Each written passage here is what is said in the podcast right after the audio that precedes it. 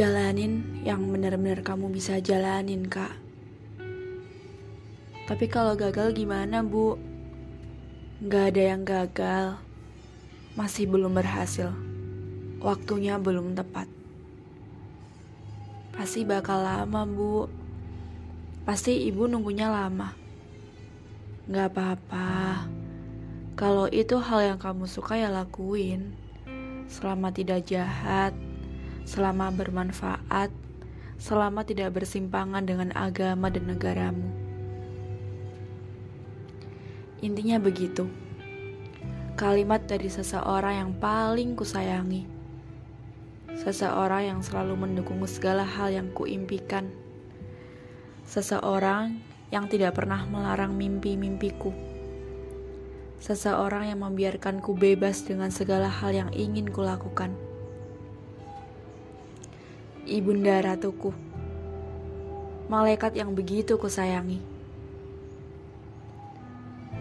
Tumbuh dari keluarga sederhana, tidak berlebih, tidak juga kurang. Mau jalan ke mana bisa, asal nabung dulu, kata ibu. Bersyukur sekali dibesarkan dengan dunia yang tidak dimanja. Dari kecil, sudah diajarkan kalau segala hal bisa diperoleh dengan proses. Kayak dulu pernah minta sepeda terus sama bapak dan ibu diberikan wejangan seperti ini. Kak, bapak sama ibu bisa saja belikan yang kamu mau. Tapi kalau seperti itu kamu gak belajar dong. Nabung dulu ya. Sama orang tua benar-benar diajarkan artinya sabar. Jadi ketika berada pada titik harus sabar, jadi mengerti harus bagaimana. Dulu sebelum adik-adik lahir, sebenarnya bisa minta apa pun tapi ya itu orang tuaku baik sekali. Di balik kerasnya bapak di balik lembutnya ibu banyak pembelajaran tentang sabar tentang berjuang tentang segala hal yang perlu dilakukan dengan proses.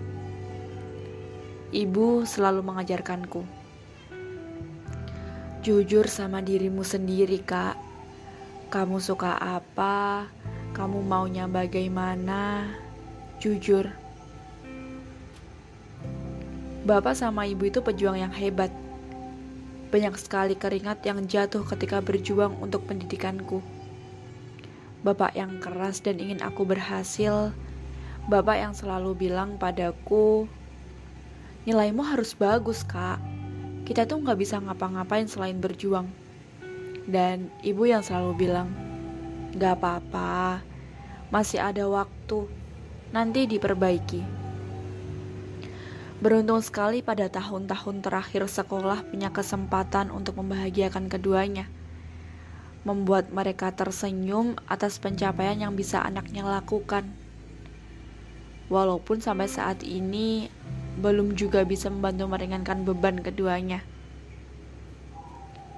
Tapi ibu selalu bilang waktu aku curhat, tentang kebingungan ingin kerja karena impianku tidak segera sampai tujuan dan ketakutan-ketakutan si overthinking. Begini kata ibu.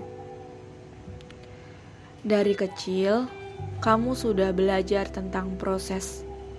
Semua hal gak harus terjadi hari ini. Proses kak. Ibu paham niat kamu.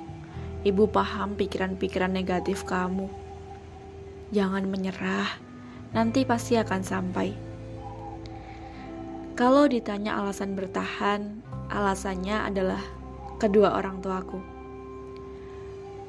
Aku berada dalam fase paling menjengkelkan sebenarnya. Menjadi kaum minoritas karena beberapa hal yang gak bisa aku lakukan sama dan beberapa kekuranganku juga. Banyak yang bertanya mengapa tentang pilihanku Padahal sebenarnya bukan pilihan, tapi realita kehidupan yang tidak bisa aku lakukan. Semoga hanya saat ini, karena aku berpikir untuk melakukannya nanti. Tahun pertama melewatinya cukup sulit. Sering tiba-tiba nangis sambil nulis, terus nanti ibu tiba-tiba bilang, Gak harus sekarang, nanti masih bisa. Makasih ya bu, makasih membuat kakak bertahan. Akhirnya sudah tiga tahun melewati hal-hal yang berat dan masih bertahan. Semoga terus bertahan sampai impianku terwujud, sampai bisa membuat bapak dan ibu tinggal duduk saja, tinggal minta ke aku, tinggal menikmati masa tuanya dengan bahagia dan tidak panas-panasan lagi serta bisa membuat adik-adikku menempuh pendidikan setinggi mungkin semau mereka.